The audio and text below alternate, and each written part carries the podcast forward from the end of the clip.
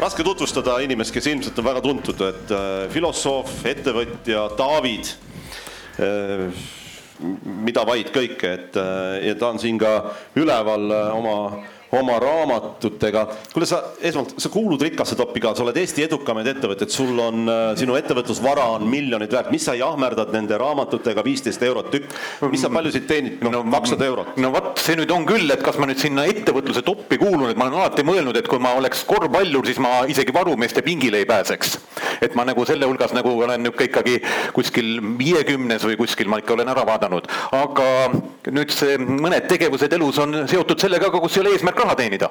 et sellepärast äh, ma annan niisuguseid raamatuid välja, sest need on mind ikkagi inspireerinud. päris tasuta ei taha anda? Äh, ma olen teinud päris tasuta ka, ükskord üks seminar oli, kus ma tegin päris tasuta ja mitte kõigile ja need inimesed, kes tasuta said, olid kõige rahulolematumad. see tekib mingi psüühiline fenomen, et kui sa tasuta annad, siis inimene ei hinda seda no.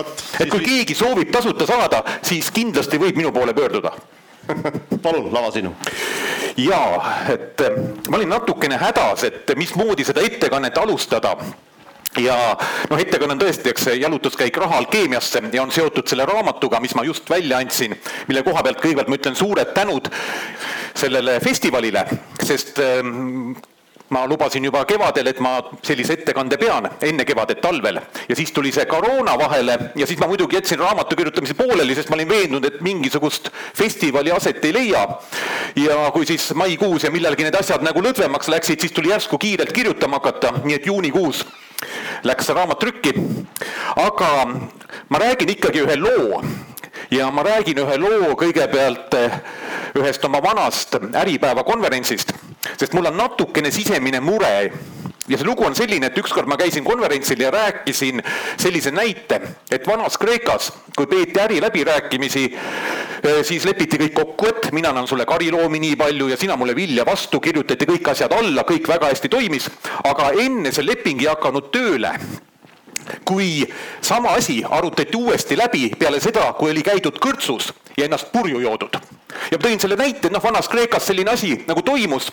Ja siis tund aega hiljem oli Äripäeva veebisaidil Davidi juhataja soovitab oma äripartner purju juua ja noh, ma olin siis natuke hädas, nii et ma täna tahtsin teile kindlasti rääkida natukene ka nii-öelda sisust, võib-olla ka numbrid välja tuua, aga kui ma näiteks ütlen, et ma üheksakümnendatel, üheksakümmend viis andsime välja laene, mis tagasi ei tulnud ja selle pealt eh, tulumaksu ei maksnud, siis ma kindlasti seda Äripäeva lehest ei tahaks lugeda, nii et ma olen natukene omamoodi hädas, et ma paluks sellist nii-öelda delikaatsust aga kui ma lähen oma investeerimisajaloo juurde, üheksakümmend kaks ma asutasin Davidi, noh, loomulikult hakkas kohe uksest hakkas, aknast hakkas raha sisse tulema, keskmine palk oli kolmsada, nelisada Eesti krooni, kakskümmend viis eurot praeguses ajastus. ja ma, kui ma esimesele töötajale ütlesin, et ma maksan tuhat krooni kuus palka, kuuskümmend eurot, no siis ta ütles, et see ei ole võimalik.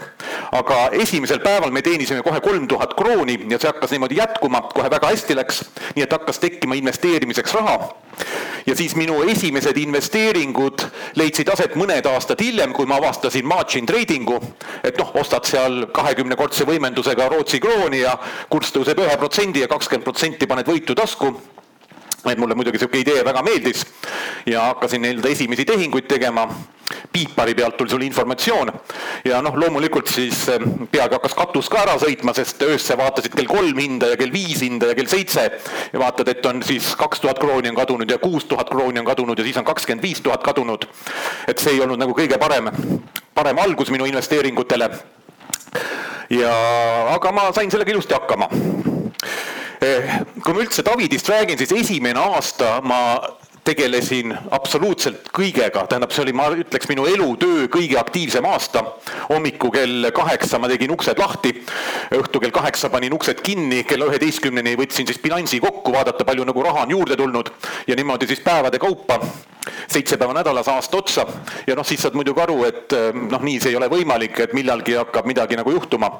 Õnneks mul oli ikkagi mõistust nii palju, et midagi tuleb ette võtta ja siis ma kogu oma energia, mis mul oli, suunasin sellesse, et leida võimekaid töötajaid. noh, klassikaline on see, et võetakse tööle endast rumalamaid, sest kardetakse, et keegi nii-öelda võtab su koha ära. nii et ma olen kogu elu üritanud võtta tööle endast andekamaid inimesi ja ma praegu pakun, et meil Davidist minust tublimaid ja andekamaid on kindlasti vähemalt kümme inimest, kui mitte rohkem nii et kui see aasta oli nagu möödas, siis selle aasta lõpus ma mäletan ühte sellist ka, sellist nii-öelda, paluks nüüd Äripäeva mitte seda kirja panna, aga sellist nii-öelda hulluks mineku momenti, et olid jõulud olid tulemas ja siis ma olin sellesse investeerimisse ikka nii tõsiselt sisse läinud ja nii-öelda raha teenimisse, sest nädala lõpp oli see aeg, kus teenis ühe päevaga kuskil kaksteist tuhat või viisteist tuhat krooni, tuhat dollarit päevas.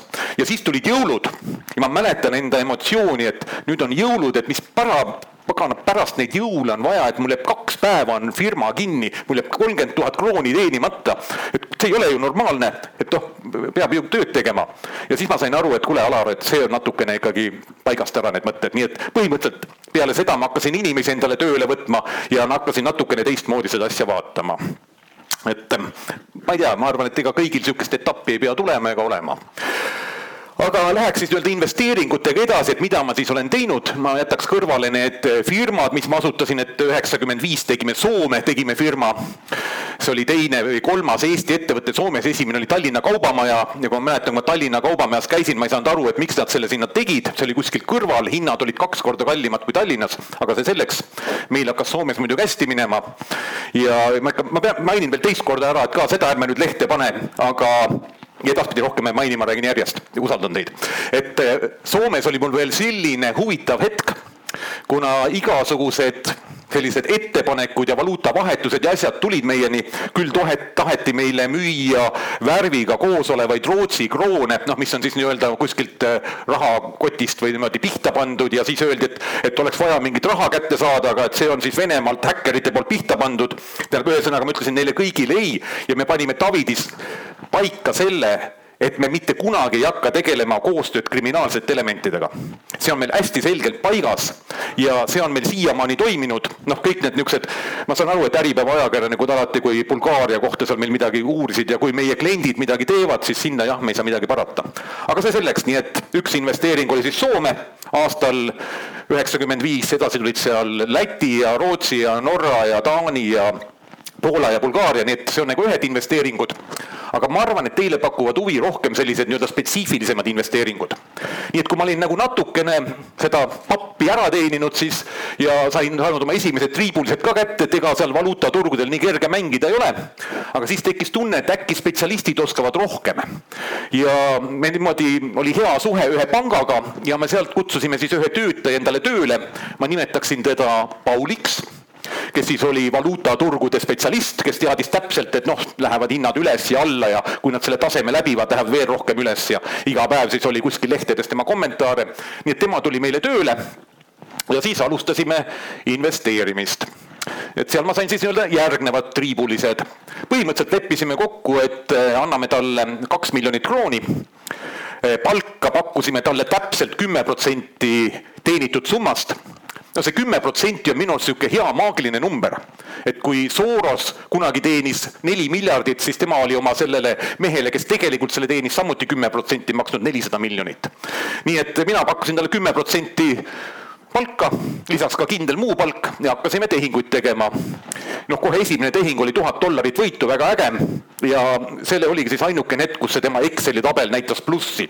et peale seda me siis hakkasime allapoole minema ja miinusesse ja nii huvitav oli siis kuulata neid põhjendusi, et küll see Rootsi kroon tuleb tagasi ja, ja, ja see tase ja siis ta tõmbas neid puutujaid, ma sain ka need kõik selgeks. pead ja õlad ja Fibonacci jadad ja kolmekümne kolme protsendi tagasilöögi tase ja kuuskümmend kuus ja väga huvitav tehniline analüüs ainult et ta sellel hetkel nagu raha ei tootnud nii et äh, raha sai siis äh, mingil hetkel niimoodi vähehaaval otsa aastaga ja, ja paika oli pandud, et noh, kaks miljonit hävime, aga noh, nii nagu ikka, kõik asjad lähevad kallimaks, võtavad rohkem aega, siis lõpus, kui me nagu summad kokku lõime, siis see oli kaks koma kuus miljonit. no muidugi see sisaldas ka seda, et ma maksin talle äh, nii-öelda lahkumiskompensatsiooni, mis me algselt kokku leppisime. see on üks koht muidugi, mida ma püüan alati jälgi, järgida, et kui midagi kokku lepitakse, tuleb kokkulepet pidada, et ma nagu nagu hästi ei mõista neid ehitusfirmasid, kus siis mingisuguseid asjade üle vaieldakse, et kui sa lepid kokku ja see toob sulle hävingut, siis tuleb ikkagi kokkulepe pidada. nii et ma maksin jälle kõik kompensatsioonid ära ja raha oli kadunud. aga ma räägin Paulist mõne hetke pärast võib-olla veel. nii et siis oli, raha sai otsa aga noh, muud asjad ikka jälle tootsid ja kõik oli nagu hästi. ja siis tulid sellised, ma ütleksin, ühekordsed investeeringud, mulle põhiliselt meeldivadki sellised noh, mitte et nüüd osta ja hoia, kuigi ka seda on, aga et ootamatult sa vaatad, et mingi erakordne anomaalia on. näiteks ükskord oli selline asi, et tänu Äripäevale lugesin Äripäeva ja seal oli artikkel, et ABB firma vastu on algatatud äh, asbestiskandaali tõttu kohtuprotsess ja oodatakse tema pankrotti minekut ja tema võlakirjade hind on kukkunud kuuekümnele protsendile siis ma helistasin ühispanka ja küsisin, kas neid saaks osta. noh, saigi osta, ostsime ka seal niisuguse väikse, isegi ma ei mäleta, mis summa eest, miljoni krooni eest või rohkem. ja panime selle seisma ja noh, loomulikult ABB ju ei lähe pankrotti sellepärast, et ühe tema allüksuse vastu on algatatud pankrotimenetlused, see on selline noh karjaefekt ikkagi, kus siis tead suurinvestorid või pangad või kus on mingid nõuded ilmselt, et millal sa pead positsiooni sulgema. nii et ma unustasin selle investeeringu ära, aga kolm kuud hiljem tuli mul meelde, siis ma helistasin ühispanka ja küsisin, et kuidas sellega on. ja siis seal niisugune hääl oli niisugune natukene kuidagi pahur, et sellega on ikkagi liigagi hästi, et see on üheksakümmend üheksa protsenti on hind ja, ja loomulikult ma müüsin selle ära et see läks nagu, nagu ilusti. ja siis olid veel mõned niisugused investeeringud ja, ja siis ühel päeval helistas mulle sõber Paul et tema nüüd on tulnud jälle pangast ära, temal on nüüd oma investeerimisfirma, et kui ma tahan teha lihtsalt tehinguid, et ma võin tema juures teha, et kõik vahendustasud on odavamad. ja tõepoolest, nii see oligi, kõik vahendustasud olid odavamad. ja noh, siis algas, mina ütleks, et minu investori eluetapi kõige ägedam periood et eh, ma alustasin siis kümne tuhande dollariga, mõtlesin, ma niisama natuke proovime seal mingisuguseid tehinguid, et mingisuguseid väikseid asju tegime, siis ta jõudis kuskile neljateist tuhandeni. ja siis ma eh, vaatasin, et ikkagi mingi asi, selline valuutaturgudel natuke paigast ära, Saksa marga, Jaapani jeeni kurssi ja ma otsustasin, et ma võtan niisuguse pikaajalise positsiooni. kurss oli vist kaheksakümmend oli sellel hetkel, et graafik ütles, et minu hinnang, et ta võiks sada kakskümmend olla. ja võtsin selle positsiooni, läks päev mööda ja ülejärgmine päev hakkas kurss liikuma ja ma sattusin võimendusega, kahekümnekordse võimendusega siis põhimõtteliselt kahekümneprotsendilisele trendile kus ma siis kogu aeg stop-loss'i tõstsin kahe protsendi kaupa. noh, kaks protsenti on niisugune optimaalne, kui see graafik niimoodi läheb, et millal see tagasilöök on, et kas ta nagu murdub või mitte. ja mitmeid kordi oli ikkagi plaan see raha välja võtta ikkagi noh, kui ta juba on kahekordistunud ja neljakordistunud aga ma lõpu, lõpuni hoidsin teda, kuni ta nii-öelda stopparina ära tuli, nii et kümne tuhande dollari ma pöörasin kiirelt kuskil viiekümneks, viiekümne või kuuekümne vahele. loomulikult ma sain aru, et ma oskan hästi äri teha seejärel oli näha, see oli kaks tuhat üks kuskil, kuna kõik need börsid olid seal tipus ka ja, ja see dotcomi mull oli minu arust ka tulemas, siin ei olnud mingit kahtlust. ühesõnaga, siis ma võtsin teise tehingu Dow Jonesi miinusesse võtmiseks nii-öelda lühikesse. seal oli hästi, läks niimoodi, et ta võib-olla üks-kaks protsenti tõusis ja siis pani ka kõigepealt viis protsenti alla ja siis veel viis ja, ja veel viis, nii et ühesõnaga sealt tuli see järgmine viisteist protsenti, nii et minu viiskümmend tuhat dollarit muutus saja kaheksakümneks tuhandeks dollariks. möödas oli neli kuud ja loomulikult, et noh, mis te siis mõtlete, ma olin siis ise veendunud, et siin on ikka nüüd tegemist investeerimisgeeniusega. et absoluutne, no neli kuud ja nüüd lükkame seda asja edasi. ja loomulikult abiks jälle Äripäev, Äripäevast võtame siis järgmise investeeringu, et noh, vaatame ikka, jälgime, aga ise mõtleme, mitte et kellegi soovitust. ja Äripäevas oli väga äge artikkel, et üks firma, mis müüb raamatuid, firma nimi oli Amazon ja tema hind on kaks korda kallim ja ta müüb poole vähem raamatuid kui kaks Ameerika suurimat raamatukaupluste ketti kokku. no siin oli ka nüüd täiesti selge, et investorid on hulluks läinud, et siin tuleb lühikeseks positsioon võtta. seda ma siis seal kuskil kahekümne kahe pealt tegingi, mõtlesin, et noh, et võtame sealt ka järgneva võidu välja, et noh, poole võrra ikka kukub, kui ta nii vähe raamatuid müüb. no ühesõnaga järgmisena siis see sada kaheksakümmend tuhat keris kiiresti alla kuskile seitsmekümne tuhandele ja siis ma tegin veel ühe investeeringu, mis siis jõudis tagasi sinna viieteistkümnele. siis ma võtsin korraks raha välja ja, ja peale seda läks see Pauli firma pankrotti ka. nii et selline tore, tore episood oli minu elus. aga sellega siis oli jah, sel, sel ajal kui ma nüüd veel niimoodi võtan, milliseid huvitavamaid asju mul nagu toimunud on, eh, ma olen käinud sellistel ärivisiitidel ja siis ma alati, kui ma käin, siis ma vaatan, et kus või midagi, kas on mingit huvitavat teha. ja üks niisugune koht, kus ma kunagi käisin, oli Bulgaaria ja seal oli ka Joakim Helenius kunagi ütles, et tasub Bulgaariat nagu vaadata just enne seda ja siis ma nagu läksin sinna vaatama.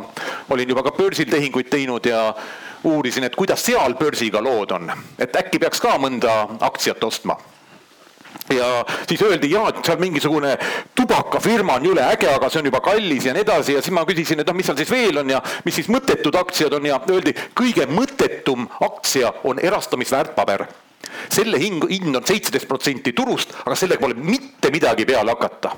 et seda ei ole mingit mõtet osta aga noh, küsimus oli selles, et nädal enne seda oli Eestis võetud vastu, et erastamisväärtpaberite eest saab hakata erastama. Ja vaadates seda, et mis toimub ühes riigis, on ju küllaltki loogiline, et sama asi toimub ka teistes riikides, siis mina võtsin kätte niisuguse otsuse, et noh, ma ikkagi ostan seda seitsmeteist protsendisest niimoodi nominaalist. Ja seda siis ostsin nii eraisikuna ja Davidile ja, ja ikka ka ikka päris mitmete miljonite eest ja siis panime nagu seisma, mõtlesin, et noh, okei okay,, et ta on meist kolm-neli aastat maas, et ootame ära. jälle läks kolm või neli kuud mööda kohalikud võtsid vastu otsuse, et kohalik telekom erastatakse erastamisväärtpaberite eest. ja siis ma vaatasin hinda, noh, hind oli üheksakümmend üheksa protsenti turust, nii et neljakordne võit oli juba nagu kirjas. noh, helistasin siis sinna panka, kus mul see arve oli, et, et kas me nüüd saaks selle siis üheksakümne üheksa protsendiga maha müüa. sellist hinda me ei maksa, öeldi mulle kohe, et ei saa nii palju. küsisin, et aga no mis siis saab, millega siis ära saaks anda? no okei okay,, no üheksakümne kaheksaga me võime võtta no läks jälle nagu hästi. ja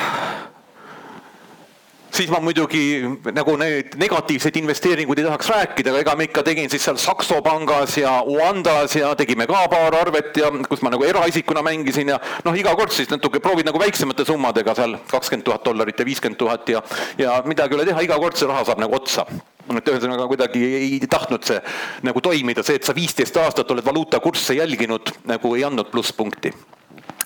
aga nüüd ma räägin veel ühe investeeringu ära, ma ei tea, palju mul aega on vist on hästi kõik. Kõik on okei okay., jaa. ma räägin nüüd veel sellise nii-öelda ühe Davidi ühe suurima investeeringu kasumi, et Pauli, Paul on, on meil siis nii-öelda kahes episoodis juba fikseerinud siin olnud ja ühel päeval ta siis helistas jälle mulle, nüüd ta oli jõudnud panka tagasi tööle ja ütles, et siuksed huvitavad tehingud on, et kus siin investorid siin Eestis teevad, et kuna Eesti krooni intress on mingisugune kaheksa ja üheksa ja Saksa margal on kolm, siis seal on viieprotsendine vahe, et kui sa teed siin nii-öelda swap tehingu, laenad äh, piltlikult Saksa marka, vahetad selle Eesti krooniks, seda kõike muidugi kätte saamata füüsiliselt arve peal. Ja see jääb siis Eesti krooni intressi kandma ja kui on möödas kolm või kuus kuud, siis sa nii-öelda vahetad ta tagasi Saksa margaks ja maksad võla ära. Ja kui saad seda võimendusega teha, siis see kolmeprotsendine vahe, noh näiteks kümnekordse võimendusega muutub kolmekümneks protsendiks ja mina mõtlesin, et noh, päris huvitavad tehingud ja hakkasime neid tehinguid tegema. ja päris ausalt need toimisidki, tõepoolest sai Eesti krooni ja Saksa marga intressivahe ära kasutatud. ma mõtlesin muidugi ka, et kust see võit nagu tuleb, noh, võit tuli sellest, et kõik firmad Eestis maksid Eesti pankadele krooni intresside järgi ja siis pangad selleks, et oma riske maandada, olid valmis nii-öelda edasi järgnevat tehingut teha, et nii-öelda see lihtne marginaalivõit välja võtta nii et neid tehinguid hakkasime tegema, no need olid üliedukad, siis me hakkasime tegema seda kõigis Eesti pankades ja edasi olid nad muidugi väga edukad. ikkagi ma pakuks, et kuskil sada protsenti tuli see aasta tootluseks, kuskil sinnakanti. ja Eesti krooni intress hakkas langema, nii et väga palju enam teha ei saanud ja see asi lõppes nii, et mingil hetkel tulid need intressid sinna ikkagi päris ligidale alla, aga selleks hetkeks oli meie ettevõte muutunud nii tubliks ja suureks, et pangad andsid meile limiidi niisama.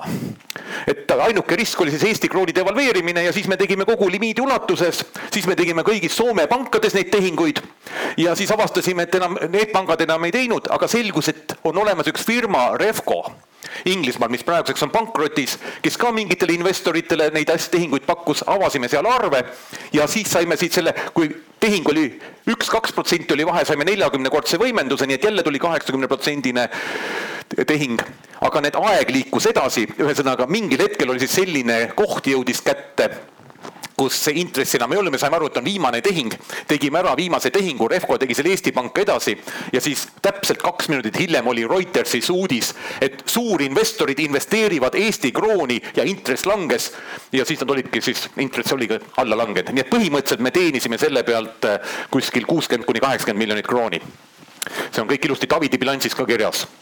vot, et see oli siis meie nii-öelda kõige edukam aeg aga see oli siis kuskil jah, kaks tuhat seitse, kaks tuhat kaheksa ja kui nüüd päris aus olla, peale seda olen ma oma investeerimist natukene noh, rohkem ikkagi eemale hoidnud, et tegelikult need ongi kõik siuksed nagu ühekordsed kuskile minekud ja tegemised, et pigem jah, ma hea meelega kirjutan raamatut, et jalutuskäik raha alkeemiasse, seal ma neid asju ei räägi, mida ma siin räägin, seal on mul sellised natuke teised teemad, aga ma loodan, et on ka huvitavad. ja ja enne kui ma nüüd lõpetan, ma siis räägin oma kõige suurema investeeringu ka ära, mis mul jäi tegemata et äh, ikkagi selle rahamaailmaga on nii, et kui sa selle sees oled, siis sa oled seal kogu aeg sees ja järjest sulle avanevad uued võimalused ja ongi võimalik nii-öelda järjest edasi liikuda. noh, meie põhimõtteliselt oleme, teenisime või oleme teeninud esimesed viisteist aastat kolmkümmend viis protsenti tootlust aastas ja viimased kümme, ma ütleksin viieteistkümne, kahekümne viie vahele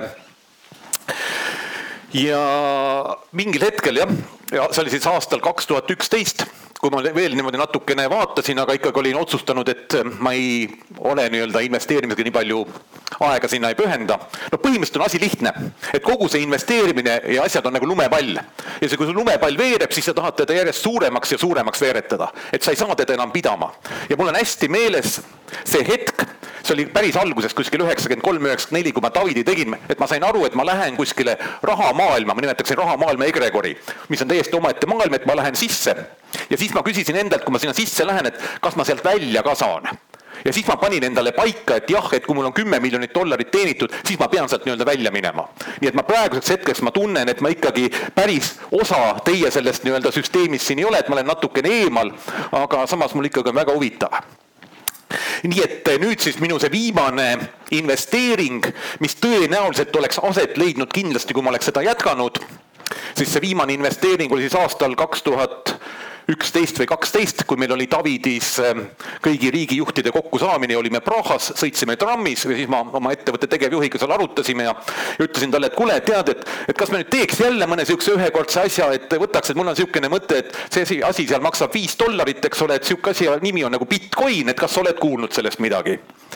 ja siis tema ütles, et noh, et ma ei tea, et noh, et ütle ära, et noh, võtame või ei võta. siis ma mõtlesin, et noh, et võiks ju, et võtaks siis saja tuhande või kahesaja tuhande eest, eks dollari eest ja siis ma mõtlesin, et aga no mida ma tast siis võtan, et noh, tõuseb kolm korda, et noh, teenid nelisada tuhat, et noh, hakka nüüd sinna energiat kulutama ja ühesõnaga otsustasin, et ma seda ikkagi ei võta ja sellega siis nii-öelda minu selline investeerimise horisont seal piirdus, et ma seda ei võtnud.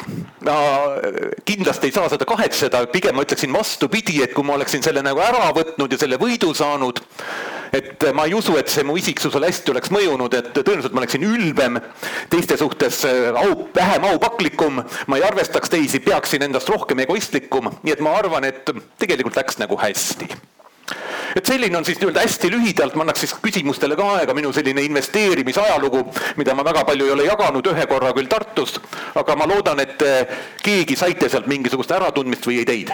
aitäh teile! aitäh, Alar Tamin!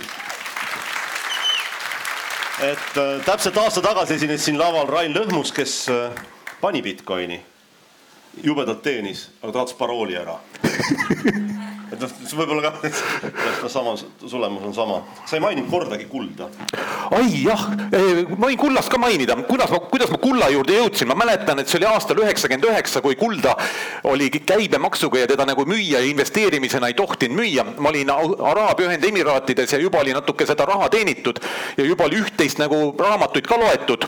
Ja siis ma nagu vaatasin, et mismoodi nagu ajalugu toimub, et ajalugu toimib nii, et ikkagi need noh, vennad puhkid või Eesti rikkamad, et lõppkokkuvõttes ikkagi sihukestel keerulistel aegadel võetakse ikkagi sult see raha ära ja siis ma mõtlesin, et ikkagi mingisugune osa peaks kullas olema, ostsin esimesed kolm kilo kulda, panin tasku, tõin nii-öelda tollivabalt üle, tähendab selles mõttes ma tollile ei öelnud, et mul see on ja me ei teadnud ka, kas, mis oleks edasi saanud. ja mul see kuld niimoodi tekkiski see mõte, et, et noh, et osa raha peaks olema kullas. ja kui siis ilmus selline olukord Eesti Euroopas, vabastati kuld käibemaksust ja lubati sellega nii-öelda investeerimistehinguid teha, siis meil üks advokatuuris ja tuli välja, et võib teha. seejärel ma sõitsin Hongkongi, ostsin sealt veel kuskilt pangast mõned kullad kullad tõin jälle niimoodi taskus Eestisse. muidugi toll kohe sai aru, et midagi on paigast ära, sest et Hongkongist tulevad mingid kaks niisugust noort meest, eks ole, ja, ja ei tea, mis nad seal käivad aastal kaks tuhat kaks. ja kutsus meid kõrvale, saadeti kohver sealt valgustusest läbi, ega ma ei öelnud midagi, aga nad ei saanud aru, mis seal oli. nii et meid lasti ilusti edasi. et läks, läks nagu hästi. ja siis me hakkasime, hakkasin oma raha nagu kullas hoidma ja, ja praeguseks ma seda teen ja lisaks siis pakun seda võimalust ka teistele, sest noh, minu selline noh, et küsimust ennetada, et mis siis saab, siis noh, mina ikkagi näen, et äh, kui vaadata ajalugu, siis mitte ükski kord selline olukord nagu praegu ei ole lõppenud sellega, et asi läheb rahulikult edasi, vaid ikka sellega, et kõik väärtused muutuvad väärtusetuks. et ikkagi kaasa arvatud elektrooniline raha, paberraha on muutunud, aga, aga kas, kas sina südames usud, et äh, sinu lapselapsed kasutavad ka sedasama raha, mis läheb neieni? edasi. ma ei tea, ma ei tea, aga tuli vähemalt ära ütle, kas sul on see Taavidi sisemine aruandlus on kullas või on eurodes? loomulikult on kullas, iseenda jaoks mis see kulla, kullant on? tähendab, selles mõttes on meie bilanss väga omapärane, et see näitab näiteks möödunud aastal ka hästi suurt kasumit, aga sisuliselt me ei ole poolteist aastat kullas juurde teeninud. et meil eelmine aasta vist oli seitse miljonit eurot kasumist, millest kolm pool on raamatupidamislikult kulla tõus, aga reaalsuses on kulda meil vähem. jah, me peame kullas arvestama. mitu kilo kasumit, mitu kilo kulda oli kasumis eelmine, kasumiks eelmine aasta? eelmine aasta olime, kulla hulk vähenes meil ettevõttes füüsilise kulla hulk vähenes, kuigi eurodes meie ettevõtte bilanss suurenes küsimusi Alarile, palun. annad, paned sa vahele ka parimale küsimuse esitajale? ja minu parima küsimuse esitajale või tähendab isegi saab kindlasti raamatu. aga me valime kahe, kahekesi koos selle. nii, üks küsimus on siit. kohe tuleb mikrofon. ärge väga teravalt küsige äh,. aitäh ähm valuutast rääkides, äh, palju sa vaatad numbreid ja palju sa vaatad, mis toimub ümber maailmas, et kus see kaalukauss seal vahel on, et a la USA dollari number praegu või siis USA seisukord praegu? Eh, ma loomulikult jälgin seda nii-öelda maailma olukorda, numbreid ma enam üldse ei jälgi, ma tean, ma, kui ma praegu ütleksin, et ma kaotaksin oma autoriteedi, et kas see dollar ja euro on ta üks koma kolmteist või on ta kuskil seal midagi, üks koma midagi muud. ma ei ole seda, ma ei ole jälginud, kulla hinda ma jälgin, aga pigem ma vaatan tendentse ja püüan tunnetada, mismoodi need olukorrad võiksid laheneda, sest küsimus on selles, et inimeste psüühikas on mehhanismid, mis takistavad negatiivse info läbitöötamist ja nii-öelda lükkavad nad alateadvusesse. nagu seesama küsimus, et, et noh, ütleme tuumapommide võima-, võimalus, et ta võib plahvatada, see elektroonilise raha krahh, Carringtoni event ehk nii-öelda elektriimpulss, mis lööb välja kõik töötavad arvutikiibid. et eh, sisuliselt minu jaoks see, et elektrooniline raha mingil juhul hävib, selle tõenäosus on üheksakümmend üheksa koma üheksa protsenti, aga ajafaktoris on küsimus loomulikult, aga see ei tähenda, et me ei peaks investeerima ja edasi tegutsema. Minu jaoks see tähendab seda, see on sama asi nagu me oma surmaga, me kunagi sureme, see ei tähenda, et me midagi peaksime tegemata jätma. et lihtsalt me elame hetkes ja teeme selles hetkes maksimumi. nii et ma ei jälgi, on eh, konkreetseid numbreid. Loomulikult ma tean, et Tesla siin tegi mingeid imelikke trikke ja ma, see on nii huvitav on vaadata seda massihullusi.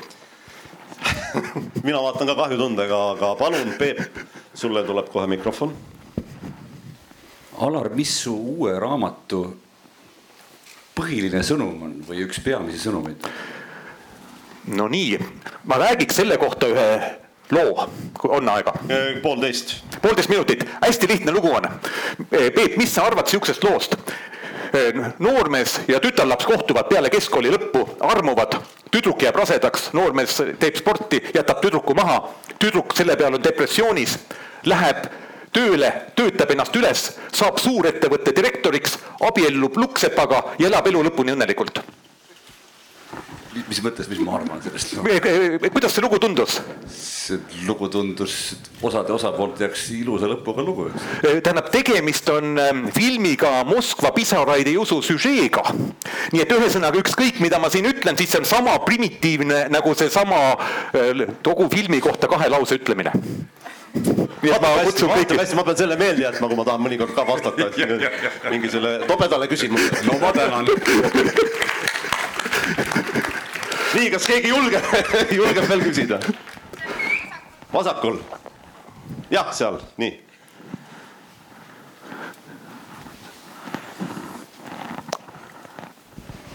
Alar, ma olen imetlenud su sõnade mängu ja sellist filosofeerimispoolt, aga kas sul on äh, ikkagi sees sellist üheksakümnendate aastate ärimehe vaistu, et raha motiveerib ja, ja kas on kuidagi muutunud, sa natuke rääkisid, sa mingil hetkel käis klõks läbi, aga sa saad järjest edukamaks, rikkamaks. kuidas on su suhtumine muutunud ühiskonnale tagasi andmisele? Siin oli nüüd mitu küsimust, et esimene küsimus oli, et kas mus on ärimehe vaistu, tähendab kõik, mida me elus kogenud oleme, on meie teaduses olemas. et see on loomulikult võimalik endas käivitada need nii-öelda süsteemid ja kus sa lähed sinna sisse, see ei ole nagu, nagu probleem. loomulikult on ta minust eemale jäänud. järgmine küsimus on ühiskonnale tagasiandmine, et kui ma nagu ennast olen vaadanud ja ma olen mõelnud ka, et miks mulle see raha on nagu antud, siis mul on ka muidugi hästi selge teadmine, et siin tuleb ka elus koht, kus on seda vaja kasutada. praegusel hetkel hetkel seda ei ole, praegusel hetkel. Jah, me, ma olen niisugune noh, see on muidugi pisiasi, et me anname raamatuid välja, kolmkümmend kolmest raamatust kolmkümmend kaks on miinuses peale minu enda oma, iga raamat toob kümme tuhat dollarit või eurot kahjumit, et see on niisugune väikene tagasiandmine, aga see koht jah, on, mille üle ma mõtlen ja tunnetan ja siin on mul arenguruumi. ja viimane küsimus tere, Alar. Äh, mina võib-olla siis ka väärismetallide ostjana küsin ühe sellise praktilise küsimuse, et äh, saan inimlikult aru, et peale valuuta, peale koroonakriisi valuutavahetus on vähenenud, et seetõttu on siis äh, kulla ja hõbeda hinna ja müügivahe väga palju laiemaks läinud, ehk siis, et müüa on oluliselt kallim, kui vanasti oli. et millal see võiks normaliseeruda sinu hinnangul? see on nüüd väga hea küsimus, et eh, see sõna väga palju on alati, nõuaks taha panna konkreetseid numbreid. Eh, tõepoolest, kohe kui koroonakriis algas, pandi kinni Šveitsis kullatehased ja kulda ei saanud mitte kuskilt kätte ja me müüsime oma varusid ära ja me tõstsime tõepoolest hinna kõrgemaks, mis oli nii-öelda samad, mis olid nii-öelda kogu Euroopa turus sellel hetkel. hinnavahe oli kuskil kolmkümmend protsenti oli müügihinnad sellel hetkel hetkel. Ja koheselt, kui me hakkasime nii-öelda kaupa saama, on hinnad läinud tagasi. praegusel hetkel on võib-olla varasemaga võrreldes üks-kaks protsenti, aga kui keegi, kellelgi on telefon, ta võib ju Davidi kodulehe lahti võtta, seal on maailmaturu hinnad ka, sest meie eesmärk on kindlasti olla äärmiselt eetiline, sest me avaldame ju eh, maailmaturu hinnad, oma ostu- ja müügihinna, sest minu arvamus on see, et eetiline ärimees avaldab ära oma kauba kokkuostuhinna, sisseostuhinna, kasumi ja müügihinna. sest kui ta seda teha ei taha, siis on seal taga mingisugune eetiline koht. nii et sellel on tegelikult olid väga selged loogilised põhjendused. nii et hetkel ma pakuks, et on võimalik osta täiesti maailmaturu ligidaste hindadega. Alar Tamming. ja Alarist on siis selline pilt, jumala kena, vikse, viisakas. ole hea